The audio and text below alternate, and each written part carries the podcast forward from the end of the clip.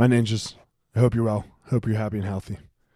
Um, man, I want to talk about my favorite quote today The man in the arena. It's not the critic who counts, not the man who points out where the strong man stumbles or where the doer of deeds could have done them better. The credit to, belongs to the man who is actually in the arena, whose face is marred by dust and sweat and blood, who strives valiantly, who errs, who comes short again and again, who spends himself in a worthy cause, who, at the best, knows in the end the triumph of high achievement, and who, at the worst, if he fails, at least he fails while daring greatly, so that his place shall never be with those cold and timid souls who know, who neither know victory nor defeat. Teddy Roosevelt. I'm gonna break it down. I want to. I want to take it in pieces.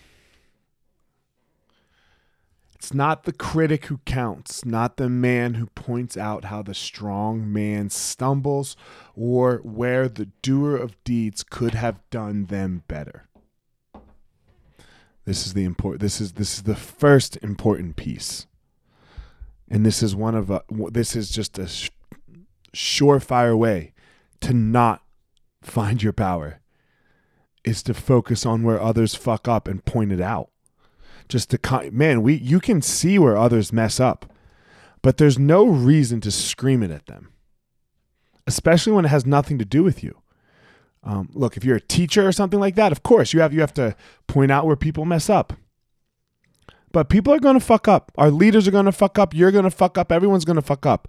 The only reason that you want to point out where the doer of deeds could have done them better is because you're not doing.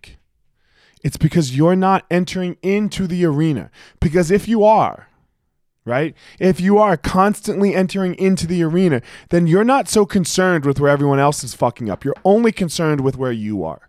You have no time to look at, oh man, you see that guy over there? That that that bullshit is fucking gone. Can't do it. Don't have time for it. You're the focus. What you're doing is the focus. That's why you step into the arena over and over and over again. You don't have time to point out where the doer of deeds could have done them better. You only have time to focus on the deeds you're doing. And that doesn't mean, no, hold on, and I notice, I didn't say you didn't notice where the doer of deeds, or the quote doesn't say not to notice where the doer of deeds could have done them better. That's okay, because that you can use for your own personal growth and strength. But you don't have to let them know. It's okay. They probably know they fucked up just on their own. They don't need you. You need to find your power.